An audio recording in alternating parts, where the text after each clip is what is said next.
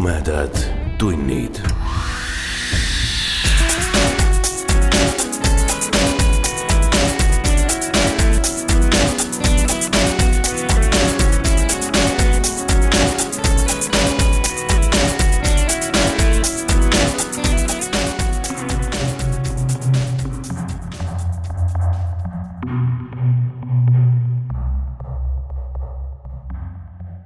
tere, hea ulmesõber. Sa hakkad kohe kuulama Tumedad tunnid podcasti suvise järjekuuldemängu esimest osa. mina olen saatejuht Priit Öövel. enneolematult soojale talvele ja üllatuslikult vaiksele kevadele on järgnenud ootamatult kuum ja äikeseline suvi. me pakume teile kokku kolme ja poole tunni jagu kõhedust, mida kuulata, kui päevane palavus on järele andnud või vastupidi siis kui muru niitmine ja aiatööd liiga üksluiseks muutuvad. Howard Phillips Lovecrafti nimi ei vaja enamikule õuduse sõpradest lähemat tutvustamist, aga ülejäänute jaoks teeksin siinkohal lühikese kokkuvõtte. Lovecraft elas aastatel tuhat kaheksasada üheksakümmend kuni tuhat üheksasada kolmkümmend seitse Ameerika Ühendriikides Uus-Inglismaal. nii et käesoleva aasta kahekümnendal augustil möödub tema sünnist sada kolmkümmend aastat oma eluajal vähetuntud kirjanikku peetakse tänapäeval kahekümnenda sajandi üheks väljapaistvaimaks autoriks ja kaasaegse õuduskirjanduse üheks suurimaks, kui mitte kõige suuremaks mõjutajaks.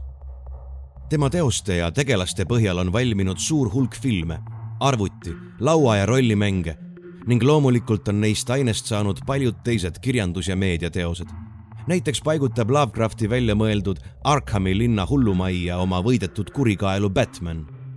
Ja meie täna algava järjejutu ainetel on ansambel Metallica kirjutanud loo The thing that should not be. inimesed otsivad tõsimeeli tänapäevalgi raamatu antikvariaatidest hullu araablase Abdul al-Hazredi kirjutatud surnute raamatut Necronomicon. võib-olla olete kuulnud ka Lovecrafti loodud koletistest iidsetest ja võimsatest jumalustest, kes mere, maa või kosmose sügavustest aeg-ajalt välja ilmuvad, et oma hirmutegusid korda saata, nagu näiteks Cthulhu, Shogot, Nyarlathotep või Dagon. Nende kohtade, raamatute ja tegelastega saate eesti keeles tutvuda kirjastuse Viiking kahe tuhande seitsmeteistkümnendal aastal välja antud kogumikus Cthulhu kutse. kogumiku on koostanud ning põhjalike kommentaaride ja järelsõnaga varustanud ulme- ja õudusekspert Raul Sulbi. Sellest samast kogumikust pärineb ka meie järjejutt. interneti andmetel on selle raamatu paberversioon paraku juba poodidest otsas, küll aga on võimalik osta seda e-raamatuna. meie podcasti kümnendas osas ilmus ka samast kogumikust pärit jutt Rotid müüri taga samuti on Lovecraftist tugevasti mõjutatud meie podcasti viiendas osas ilmunud Laur Crafti ulmejutt Ultima Cthule. Ja seoses maailmas praegu toimuvaga tuleb igaks juhuks ära mainida veel üks fakt. nimelt aastatel tuhat üheksasada seitsekümmend viis kuni kaks tuhat viisteist anti maailma aasta parimateks valitud ulmekirjanikele auhinnaks Lovecrafti rinnakuju. alates kahe tuhande kuueteistkümnendast aastast enam mitte sest leiti, et tänavu siis saja kolmekümnendat sünniaastapäeva tähistava kirjaniku vaated maailmale olid rassistlikud ja mõte sellise mehe rinnakujust oma koduses riiulis tundus mõnele õuduskirjanikule liiga jube. meilt hiiliva õuduse meister igatahes eetrikeeldu ei saa ja viiel neljapäeva õhtul järjest jõuab teieni uus osa ühest tema legendaarseimast teosest. muide, kui muutute vahepeal kärsituks ja ei jaksa järgmise nädalani oodata, siis ma lihtsalt mainin, et meie toetajad leheküljel patreon.com kaldkriips tumedad tunnid saavad juba praegu kuulata kõiki viit osa. aga nüüd me alustame. selle loo on eesti keelde tõlkinud Eva Luts. ma loen teile esimese osa HP Lovecrafti õudusjutust Vari Innsmouthi kohal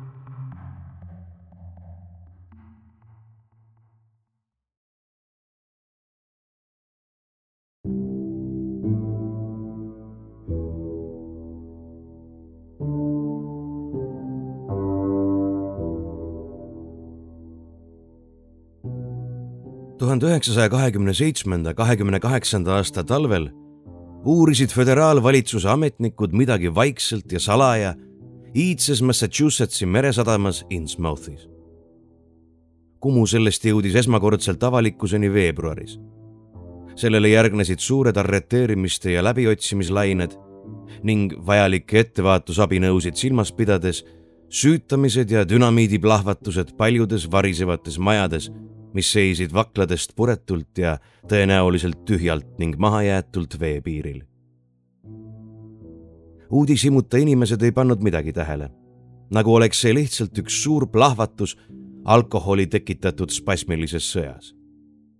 innukamad uudistekütid siiski imestasid arreteerimiste ja vangistajate ebatavaliselt suure hulga ning vangide asukohta ümbritseva salapära üle.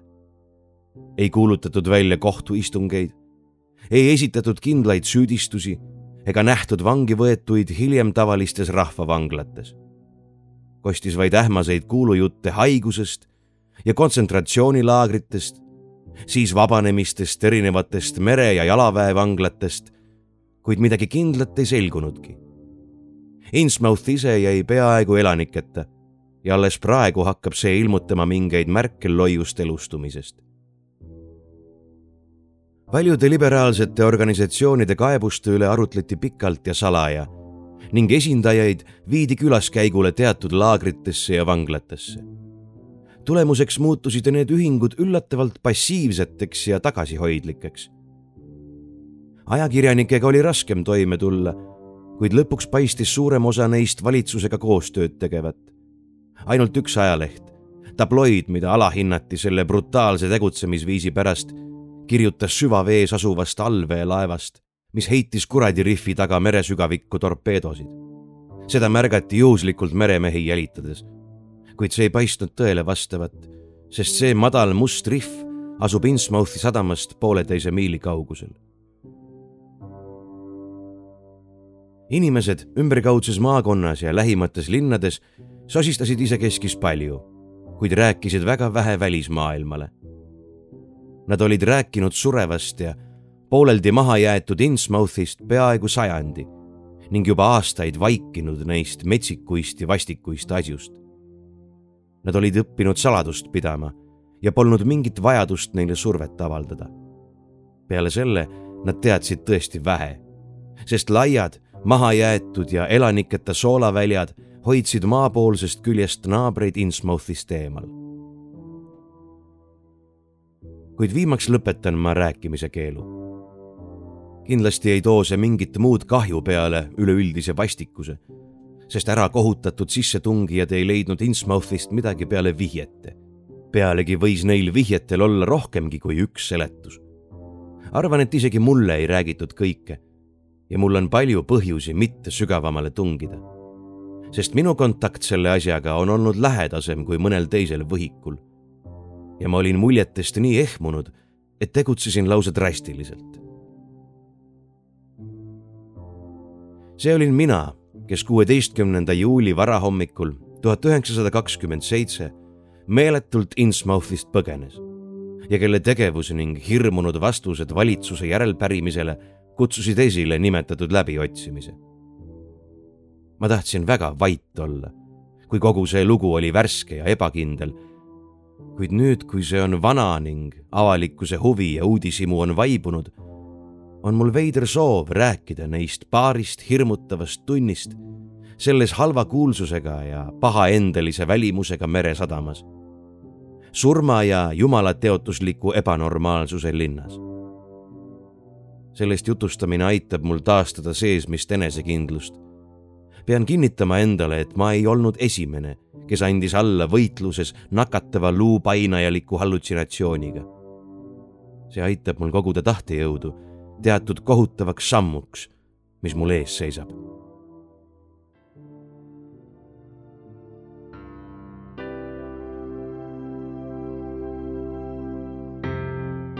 ma polnud kunagi kuulnud Innsmouthist kuni selle päevani, kui nägin seda esimest ja siiani ka viimast korda.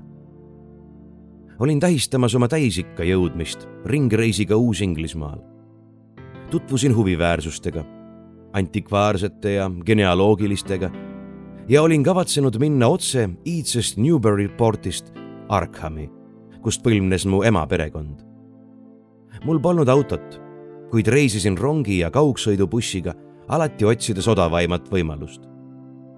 Newbury Portis ütlesid nad mulle, et auruvedur oli ainus asi, mis võis viia Arkhami.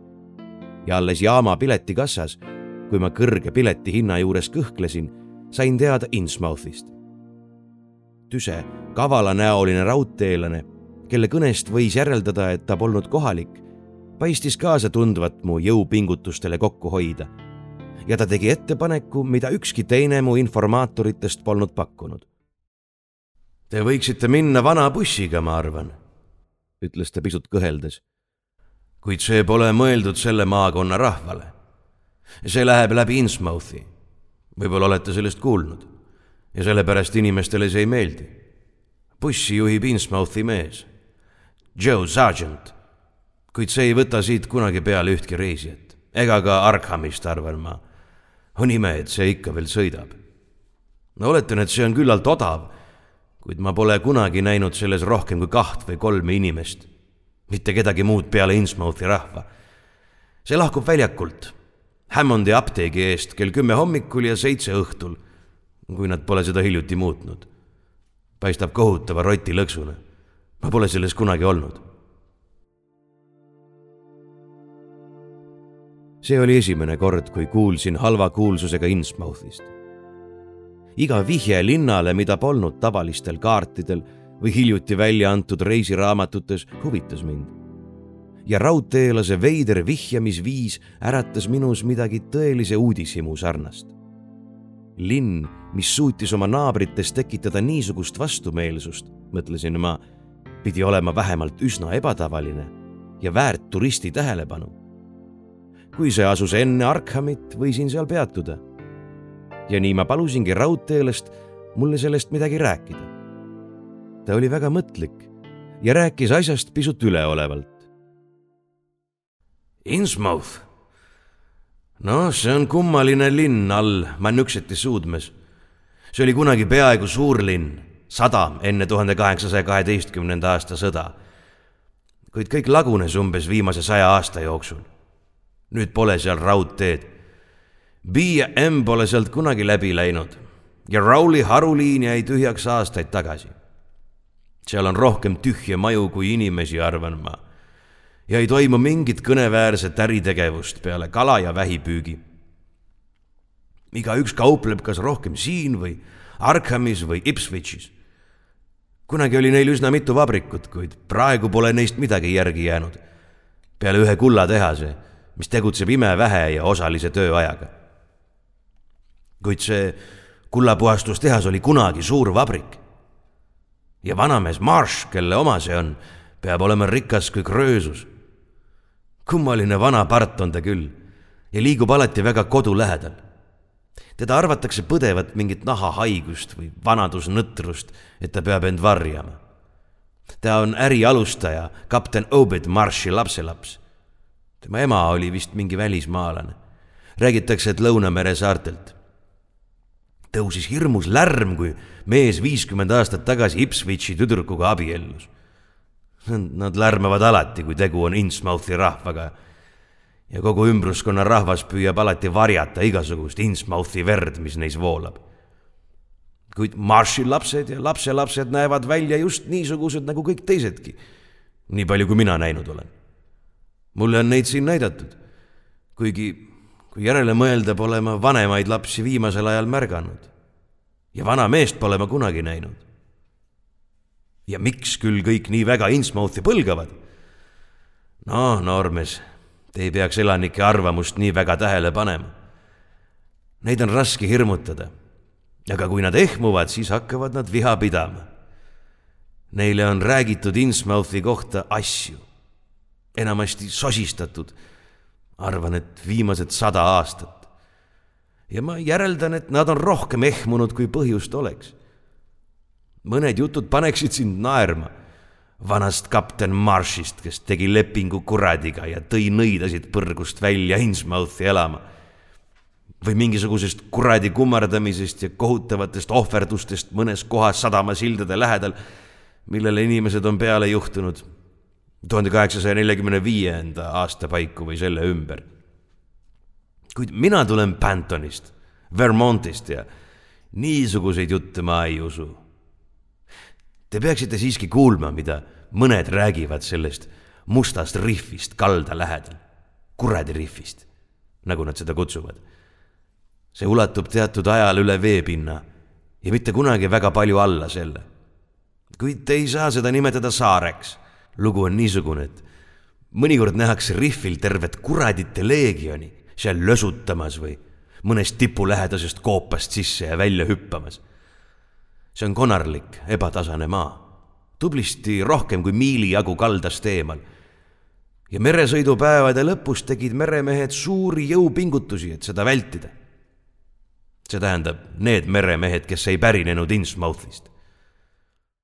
Üks neist juttudest, mis nad kapten Marshi kohta rääkisid, oli niisugune, et, et ta oletatavasti mõõnaaegu sellel rihvil randus võib-olla tegi ta seda, sest pean ütlema, et kalju kuju oli huvitav. ja ma ei usu, et ta piraatide varandust otsis ja selle sealt leidis. kuid räägitakse, et ta tegi kaupa sealsete teemonitega. tegelikult arvan ma, et see oli kapten, kes Riffile halva kuulsuse tõi. See oli enne tuhande kaheksasaja neljakümne kuuenda aasta suurt epideemiat, kui üle poole Innsmouthi rahvast põgenes Nad ei saanud kunagi täpselt aru, kuidas see puhkes, kuid see oli tõenäoliselt mingi välismaalt pärinev haigus, mis tuli laevaga Hiinast või kuskilt sealtkandist. see oli tõesti väga tõsine. ja selle üle löödi kõvasti lärmi ning tehti igasuguseid võikaid asju, mis minu arust ei jõudnud kunagi linna piiridest välja. Ja see jättis paiga kohutavasse seisukorda. see ei kordunud enam ja praegu pole seal rohkem kui kolmsada või nelisada elanikku. kuid rahvatunnete tõeline põhjus on lihtsalt üldine eelarvamus. ja ma ei ütleks, et ma süüdistan niimoodi arvajaid. ka mina vihkan Innsmouthi rahvast ega hooli sinna linna minekust. arvan, et te teate, kuigi näen teie jutu järgi, et olete lääne poolt, mida paljud meie Uus-Inglismaa laevad tegid kummalistes Aafrika, Aasia ja Lõunamere sadamates ning igal pool mujal ja missuguseid veidraid inimesi nad vahel endaga kaasa tõid. tõenäoliselt olete kuulnud Salemi mehest, kes tuli koju Hiina naisega. ja võib-olla teate, et kusagil Cape Code'i ümber elab ikka veel rühm fidžilasi. noh, Innsmouthi elanike esivanemate hulgas peab olema midagi niisugust Nende elukoht on alati olnud ülejäänud maast tublisti ära lõigatud, soode ja ojadega. ja me ei saa olla kindlad, et see on tõsi, kuid on täiesti selge, et vana kapten Marsh tõi koju mõned kummalised olevused, kui ta kõigi oma kolme laevaga kahekümnendatel ja kolmekümnendatel merd sõitis. kindlasti on Innsmouthi rahvas midagi kummalist. Ma ei tea, kuidas seda seletada, kuid nad on kuidagi ebameeldivad. Te märkate midagi ka Sargentis, kui sõidate selle bussiga. mõnel neist on kummalised kitsad pead lamedate ninadega ja pungis vahtivate silmadega, mis ei paista kunagi sulguvat. ja nende nahk pole päris tavaline, kare ja kärnane. ja nende kael on külgedelt kortsunud või kortsutatud. Nad lähevad ka kiilaks väga noorelt kõige vanemad paistavad kõige hullematena. tegelikult pole ma vist kunagi näinud nende hulgas väga vanasid. võib-olla nad surid peeglisse vaatamisest. loomad vihkavad neid. enne autode tulekut oli neil väga palju probleeme hobustega. keegi siinsetest või Arkhamist või Ipswichist ei taha nendega mingit tegemist teha. Ja nad käituvad ka ise tõrjuvalt, kui tulevad siia või kui keegi proovib nende vees kala püüda. kummaline, kuidas kalad alati tunglevad Innsmouthi sadama ümbruses, kuigi neid pole kusagil mujal näha. aga püüdke vaid seal ise kalastada. ja te näete, kuidas rahvas teile kallale tormab. sealsed elanikud tavatsesid jalgsi siin käia ja astuda Rowley's rongi peale pärast seda, kui raudteeharu oli maha pandud aga nüüd nad kasutavad seda bussi. jah, Innsmouthis on olemas hotell. seda kutsutakse Gilmani majaks. kuid ma ei usu, et see oleks hea. ma ei soovita teil seda proovida. parem jääge siia ja minge hommikul kümnese bussiga. siis saate sealt õhtul kella kaheksase bussiga Arkhamisse. tehase inspektor peatus mõned aastad tagasi Gilmani hotellis ja tegi paiga kohta palju ebameeldivaid vihjeid. paistab, et seal peatub veidrat rahvast. sest see mees kuulis teistest tubadest hääli, kuigi enamik neist olid tühjad, mis teda hirmutasid. ta arvas kuulvat võõrkeelset juttu, kuid rääkija hääl oli tema arvates eriti vastik.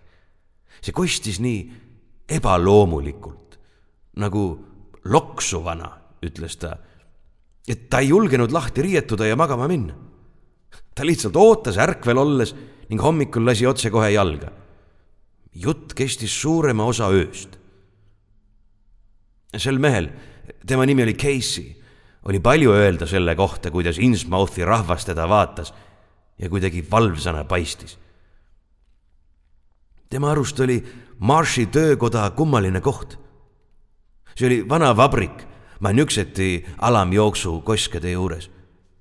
tema jutt läks kokku sellega, mida ma kuulnud olen.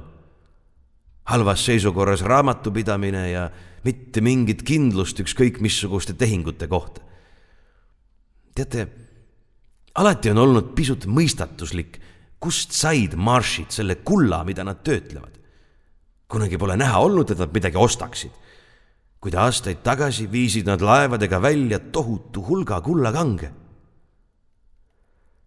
räägiti veel kummalistest võõramaistest kalliskividest, mida meremehed ja tehasetöölised mõnikord salaja müüsid ja mida paar korda nähti kandmas Marshi pere naisi.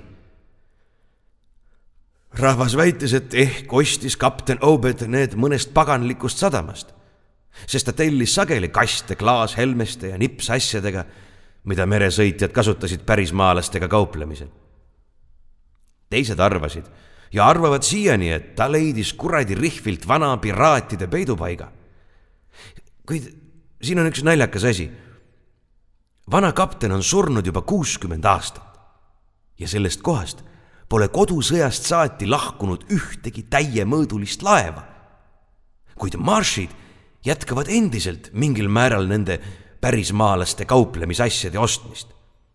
enamasti klaasist ja kummist pudi-padi nagu mulle räägiti. võib-olla meeldib Innsmouthi rahvale endale neid kaelas kanda. jumal teab, et nad on muutunud peaaegu sama halbadeks kui Lõunamere kannibalid ja Guinea metslased. neljakümne kuuenda aasta katk hävitas selles kohas parima vere. igatahes on nad praegu kahtlased lurjused ja maršid ning teised rikkad on sama halvad kui teisedki nagu ma teile ütlesin, pole kogu linnas tõenäoliselt rohkem kui nelisada inimest. hoolimata kõigist neist tänavaist, mis juttude järgi seal on. arvan, et nad on need, keda kaugel lõunas kutsutakse valgeks rämpsuks. seadusteta, kavalad ning reetlikud. Nad püüavad palju kala ja vähke ning veavad neid vagunites välja. kummaline, kuidas kalad tunglevad just seal ja mitte kusagil mujal mitte keegi ei suuda kunagi neid inimesi jälitada. ning haridusametnikud ja rahvaloendajad veetsid seal kuratliku aja. võite kihla vedada, et uudishimulikud võõrad pole Innsmouthis teretulnud. olen isiklikult kuulnud rohkem kui ühest äri- või riigimehest, kes on seal kadunud. ja räägitakse ka ühest, kes läks hulluks ja on nüüd Danversis. Nad pidid teda millegagi kohutavalt ehmatama selle asemel ma ei lähekski sinna õhtul, kui oleksin teie asemel. ma pole kunagi seal käinud ega taha minna ka praegu. kuid arvan, et päevane reis ei teeks teile midagi halba. kuigi siinsed inimesed soovitavad teil mitte minna. kui olete lihtsalt matkamas ja otsimas vanu maju, siis on Innsmouth teile huvitav koht. ja nii ma veetsingi osa sellest õhtust Newburyporti rahvaraamatukogus otsides andmeid Innsmouthi kohta. kui olin püüdnud küsitleda poes, lõunalauas, garaažides ja tuletõrjejaamas kohalikke, leidsin neid isegi rohkem ehmuvat, kui piletimüüja oli ennustanud. ja taipasin, et ma ei peaks kulutama aega nende esimesest instinktiivsest sõnakehvusest ülesaamiseks. Nad suhtusid asjasse ilmse kahtlusega, nagu oleks midagi imelikku lahti igaühega, kes on Innsmouthist ülemäära huvitatud. Noorte meeste kristlikus ühingus, kus ma peatusin, laitis preester minu mineku niisugusesse süngesse laostunud paika lihtsalt maha ja raamatukogu rahvas jagas sama seisukohta. ilmselt oli Innsmouth haritud inimeste silmis lihtsalt inimliku allakäigu liialdatud juhtum. Essexi maakonna ajalooraamatud raamatukogu riiulitel andsid vähe materjali.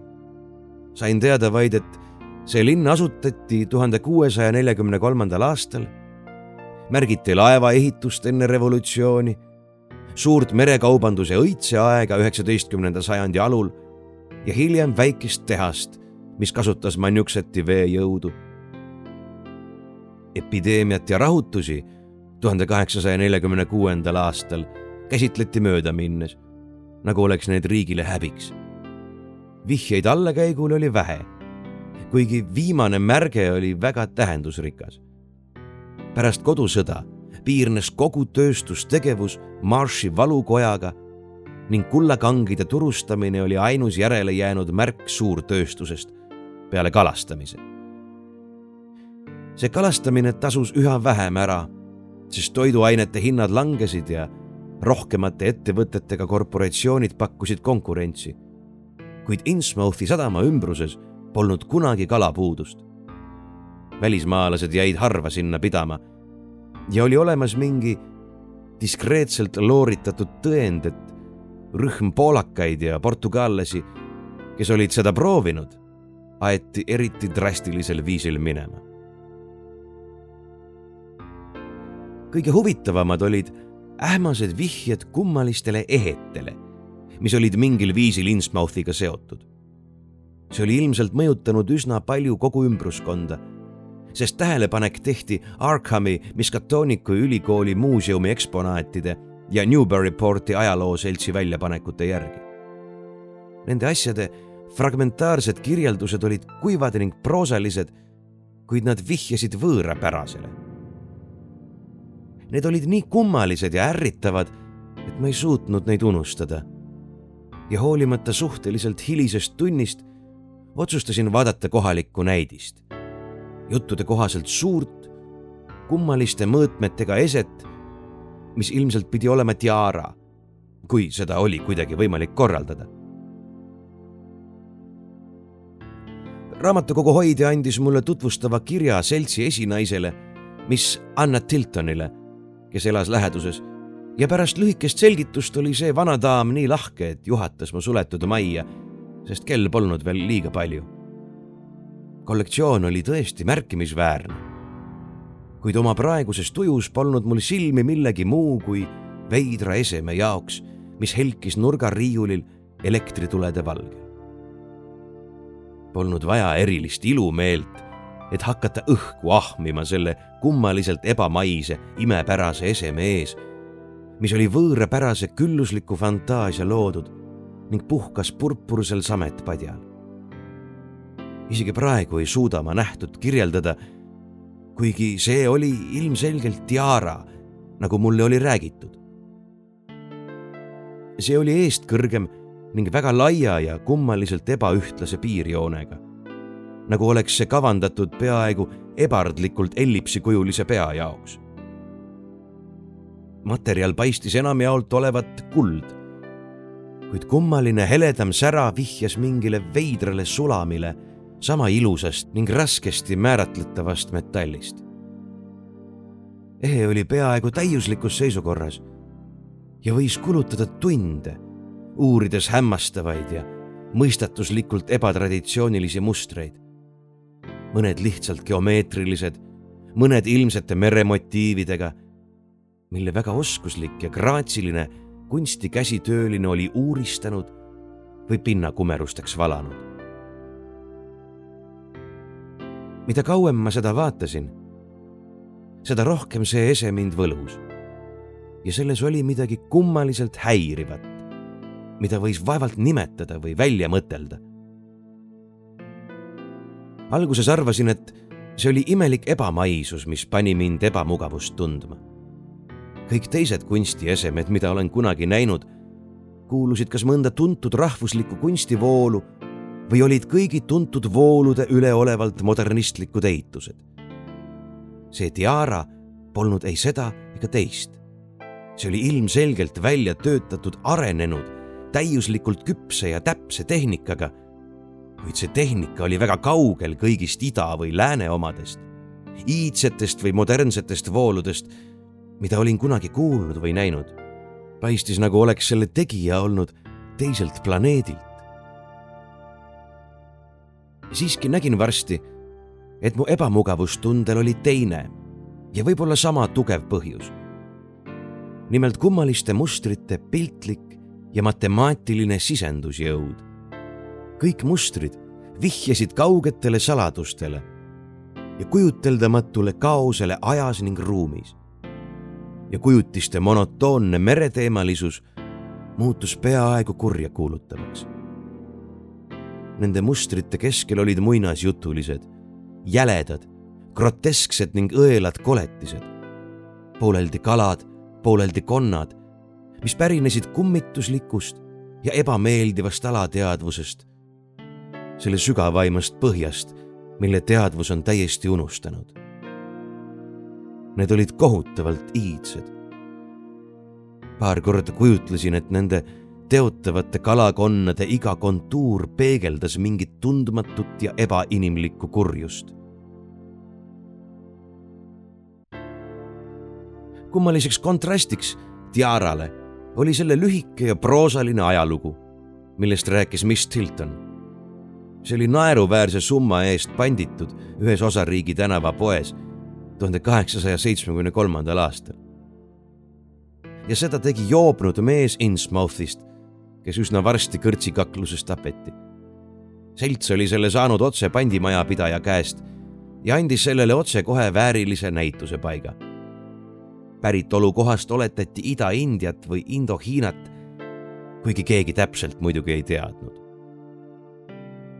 Miss Tilton võrdles kõiki võimalikke hüpoteese, mis käisid selle päritolu ning Uus-Inglismaale jõudmise kohta ning kaldus uskuma, et see oli osa mõnest eksootilisest piraadi aardekastist, mille leidis vana kapten Obed Marsh.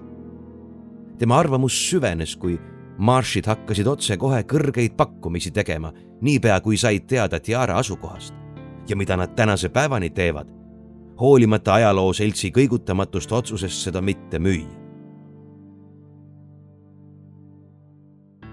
Kui hea daam mind majast välja juhatas tegi ta selgeks, et sealne intelligents uskus tõsiselt piraadi teooriasse Marshi rikkaks saamisel. ta ise arvas saladusliku Innsmouthi kohta, mida ta kunagi polnud näinud, et kultuuriliselt alla käinud ühiskond on vastik. ja ta kinnitas mulle, et jutud kuradi kummardamisest tekkisid sealsest salajasest kultusest, millega Innsmouthi elanikud eraldusid kõigist ortodoksetest kirikutest. Seda hüüti, ütles ta esoteeriliseks Daigoni orduks. ja see oli kahtlemata võlts poolpaganlik asi, mis toodi idast sisse sajand tagasi, kui Innsmouthi kalapüügikohad paistsid tühjaks jäävat. selle püsivus lihtrahva hulgas oli üsna loomulik, sest külluslik kalasaak tuli tagasi äkki ja püsivalt. see usk muutus varsti linna suurimaks mõjutajaks, asendades täielikult vabamüürluse ja võttes üle massoonide hoone New Church Greenil. kõik see andis vaga Miss Tiltoni meelest suurepärase põhjuse iidse alla käinud ning mahajäetud linna vältimiseks. kuid minu jaoks oli see vaid uueks ergutuseks. minu arhitektuurilistele ja ajaloolistele ootustele lisandus nüüd äge antropoloogiline huvi ja ma suutsin öösel vaevalt magada oma väikeses NMKÜ toas.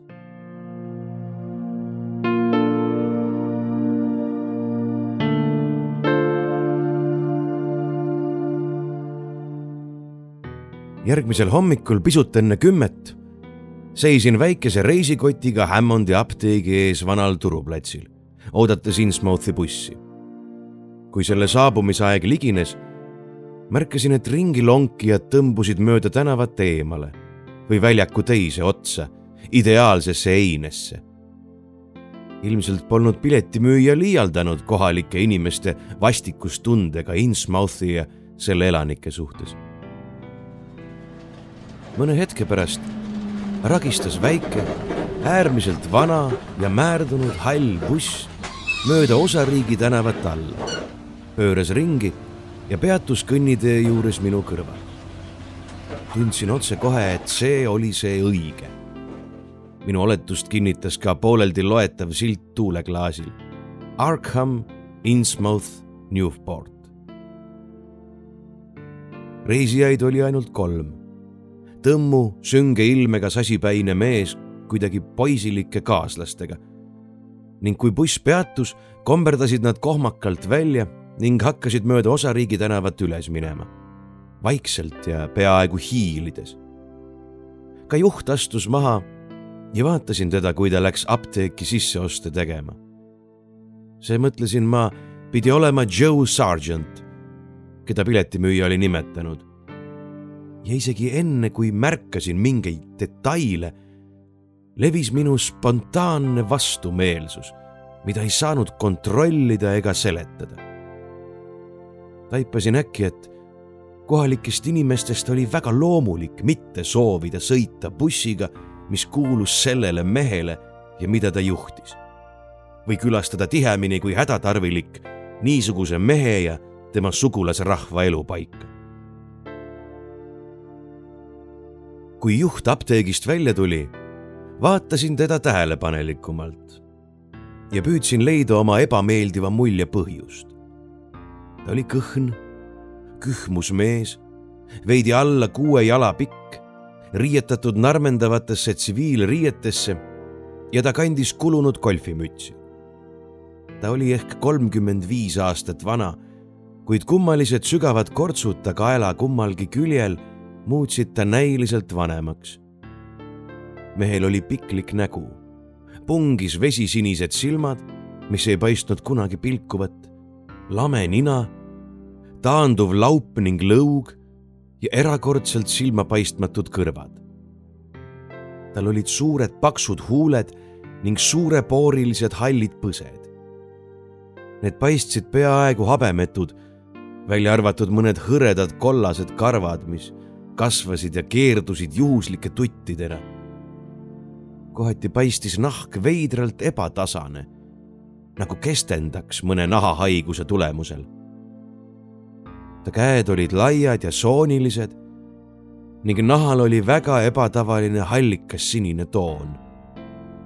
sõrmed olid hämmastavalt lühikesed võrreldes ülejäänud kehaga ja neil paistis olevat kombeks keerduda tihedasti tohutusse peopessa. kui ta bussi poole astus, märkasin ta erilist lohisevat kõnnakut ja nägin, et ta jalad olid ülemäära suured. Mida rohkem ma neid vaatasin, seda enam ma imestasin, kuidas ta leiab kingi, millesse need mahuksid teatud räpasus selles mehes suurendas mu ebameeldivustunnet. ta tegevusalaks oli ilmselt töötamine kalatokkides või seal logelemine ja ta lõhnas tugevasti sellele iseloomulikult. mis võõrast verd temas leidus, ei osanud ma isegi arvata. Ta veidrad omadused ei paistnud kindlasti asiaatlike, polüneeslike levantiinlike ega negroidsetena. ja ma ei mõistnud, miks inimesed pidasid teda võõrapäraseks. mina ise oleksin mõelnud ennemisi bioloogilisele taandarengule kui võõrale verele. mul oli kahju, kui nägin, et bussis pole teisi reisijaid. Millegipärast ei meeldinud mulle mõte sõita üksi koos selle juhiga aga kui väljasõiduaeg lähenes, võitsin ma rahutustunde ja järgnesin mehele bussi, ulatades talle dollarilise rahatähe ja pomisedes ainsa sõna, Innsmouth. ta vaatas mind imelikult ühe sekundi, siis ulatas sõnagi lausumata nelikümmend senti tagasi. Valisin koha kaugel tema taga, kuid samal bussi poolel, sest tahtsin reisi kestel kallast vaadata. viimaks hakkas vanadusnõder liiklusvahende nõksatades liikuma ja kolises kärarikkalt heitgaaside pilves mööda osariigi tänava Telliskivi majadest. vaadates inimesi kõnniteedel, arvan, et tabasin neid kummaliselt soovilt vältida bussi vaatamist. Või vähemalt soovilt varjata selle vaatamist. siis pöörasime vasakule High Streetile, kus minek läks libedamalt. kihutasime mööda väärikatest vanadest majadest iseseisvusaja alguspäevilt ning veel vanematest koloniaalsetest talumajadest. möödusime Lower Greenist ja Parkeri jõest ja jõudsime lõpuks pikale monotoonsele maanteele lagedal rannamaastikul. Päev oli soe ja päikesepaisteline, kuid maastik, mis koosnes liivast, lõikeheinast ja kiduraist puhmastest, muutus edasi sõites üha mahajäetumaks. aknast võisin näha sinist vett ja Plummi saare liivaranda ning viimaks tõmbusime väga kalda lähedale, kui meie kitsas tee pööras ära Rowley ja Ipswichi vaheliselt maanteelt. mingeid maju polnud näha ja tee seisukorra järgi võisin öelda, et seal liiguti vähe. väikesed ilmastikust räsitud telefonipostid kandsid vaid kaht traati. ikka ja jälle ületasime rohmakaid puusildu Need viisid üle kaugele sisemaale suunduvate tõusuveeojade, mis aitasid kaasa maakoha eraldamisele. aeg-ajalt märkasin surnud puutüükaid ja varisevaid majaseinu ajuliiva kohal ning meenutasin varasemaid aegu, millele vihjati ühes ajalooraamatus, mida ma lugenud olin, et see oli kunagi viljakas ja tihedalt asustatud maa muutus, nagu öeldi, tuli samal ajal Innsmouthi epideemiaga tuhande kaheksasaja neljakümne kuuendal aastal ja arvati, et lihtrahvas võttis salapäraselt sidet varjatud kurjuse jõududega. Tegelikult oli selle põhjuseks rumal metsaraie kalda lähedal, mis röövis mullalt selle parima kaitse ja avas tee ajuliiva lainetele viimaks kaotasime silmist Plummi saare ja nägime vasemal laiumas Atlandi ookeani. meie kitsas tee hakkas aeglaselt kõrgemale tõusma ja ma tundsin ebamäärast rahutust, vaadates üksildast mäeharja meie ees, kus rööpasarnane tee kohtus taevaga. paistis nagu buss üha tõuseks ja tõuseks, jättes maha mõistliku maa ja tungiks kõrgema õhu ja krüptilise taeva tundmatute saladusteni. merelõhn omandas kurja kuulutavaid tähendusi ja vaikiva juhi kummargi olek, jäik selg ja ovaalne pea muutusid üha vastikumateks. Tema poole vaadates nägin, et tema kukal oli peaaegu sama karvutu kui ta nägu. sellel olid vaid mõned korrapäratud kollased karvad hallil krobelisel pinnal. siis jõudsime tippu ja nägime all laiuvat orgu, kus Manükset ühines merega. sellest lõunas oli pikk kaljuviirg, mis tõusis kõige kõrgemale Kingsport Headis ja madaldus Anni neeme juures. Kaugel, udusel horisondil võisin vaevalt seletada Headi ähmast piirjoont millel seisis kummaline vana maja, millest räägiti nii palju legende. kuid hetkel oli kogu mu tähelepanu hõivatud lähema panoraamiga otse minu ees. olin, nagu taipasin, jõudnud silm silma vastu halva kuulsusega Innsmouthiga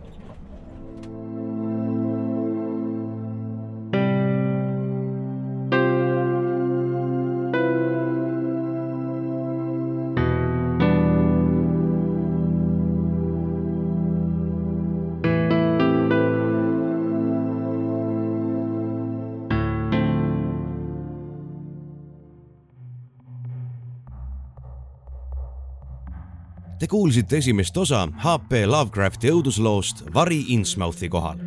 tõlkinud Eva Luts, luges Priit Ööbel. kui lugu lõppes liiga põneva koha peal ja te ei jaksa järgmise nädalani oodata, hakake meie toetajaks leheküljel patreon.com kaldkriips tumedad tunnid ja kuulake järgmisi osi juba praegu. ülejäänutele aga kuulmiseni täpselt nädala pärast